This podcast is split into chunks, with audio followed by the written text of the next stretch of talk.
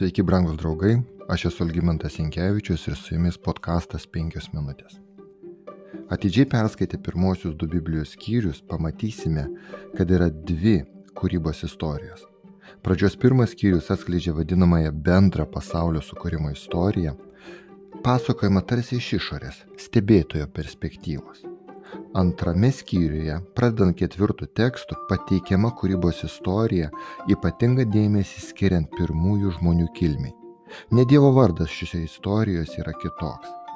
Pirmajame skyriuje visur yra žodis Dievas lietuvių kalba, kuris nurodo visuotinį kurėjo pobūdį, o antrajame skyriuje lietuvių tekste yra viešpats Dievas. Tai yra kuriejos menvardis. Būtent šio vardu Dievas atsiskleidė Mozijai Išėjimo šeštas skyrius. Vėliau Mozė dieviškų įkvėpimų užrašė pasaulio sukūrimo istoriją. Dievas viską sukūrė savo žodžiu, kalbėjo ir atsirado. Apaštalas Jonas, pradėdamas savo Evangelijos istoriją, tarsi atkartoja kūrimo istoriją, sakydamas, pradžioje buvo žodis, visa per jį atsirado. Jono Evangelija, pirmas skyrius. Taip su žmogumi, bet su žmogumi buvo kitaip. Tuomet viešpats Dievas padarė žmogų iš žemės dulkių ir įkvėpė jam iš nervės gyvybės alsavimą. Taip žmogus tapo gyva būtybė. Pradžios antras skyrius, septinta eilutė. Dievas sukūrė žmogų. Čia mums tarsi leidžiama pažvelgti į Dievo dirbtuves ir stebėti, kaip jis atlieka paslaptingą kūrinijos veiksmą. Veiksmažodis padarė reiškia formavimąsi veiksmą. Šis žodis naudojamas podžiaus veiklai apibūdinti, ką mes randame Izaijo 29 skyriuje 16 eilutėje. Dievas paima žemę ir kaip podžius rankomis suteikia jai tinkamą formą. Tada jis paima šį negyvą kūną ir apdovanoja savo gyvybę teikiančią dvasę. Ir pirmasis žmogus tampa gyva būtybė. Mozė sako, Taip žmogus tapo gyva būtybė. Taigi siela yra kūno ir gyvenimo dvasios visuma, o ne kažkokia substancija galinti gyventi atskirai nuo kūno. Toliau pasakojimas kalba apie pirmąjį, taip sakant, namą, kuriame gyveno žmogus. Tai buvo didelis sodas. Nors Biblija nurodė sodė tekėjusių upių vardus, o tarp jų yra mums žinoma net Eufrato upė, Tačiau šiandieną negalime tiksliai pasakyti, kur tiksliai žemėje buvo Edeno sodas, nes po tvano nusiaubusio žemę sunku tai padaryti. Viską, ką viešpats sukūrė, buvo gražu.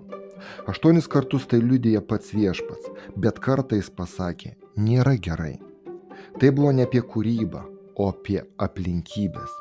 Viešpas Dievas tarė, negera žmogui būti vienam. Pradžios antras skyrius 18 eilutė ir priėmė sprendimą - aš sukursiu jam pagalbininką.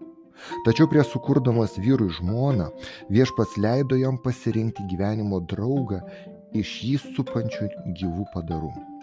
Viešpas atvedė pas jį visus gyvūnus ir paukščius, kad jis matytų, kaip juos vadins, o kai žmogus davė vardus visiems galvijams, visiems padangių paukščiams ir visiems laukiniams žvėrims, tačiau sautinkamo bendrininko netrado. Pradžios 2.20.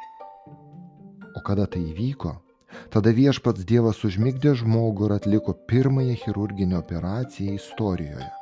Paėmė, kaip parašyta, vieną iš Adomo šonkaulių ir užpildė žaizdą kūnu. Pradžios antras skyrius 21 eilutė. Hebrajų kalbos žodis išverstas lietuvių kalboje kaip šonkaulis, daugumoje kitų Biblijos vietų verčiamas kaip pusė. Todėl galima manyti, kad Dievas padalino žmogų, o pabudęs ir pamatęs Dievo jam atvestą žmoną, žmogus iškart atpažino žmonoje save. Jis sušuko, štai pagaliau kaulas mano kaulų ir kūnas mano kūno. Ji bus vadinama moterimi, nes iš vyro buvo paimta. Pradžios 2.23. Pas Dievą suvienijo pirmosius žmonės, sakydamas, todėl vyras paliks tėvą ir motiną, klausys prie žmonos ir jie taps vienu kūnu. Tai buvo pirmoji santokos ceremonija. Nors tai atsitiko labai labai seniai, Santoka kaip šventa vyro ir moters mylinčio vienas kitą sąjunga ir šiandien yra priminimas apie mūsų kilmę.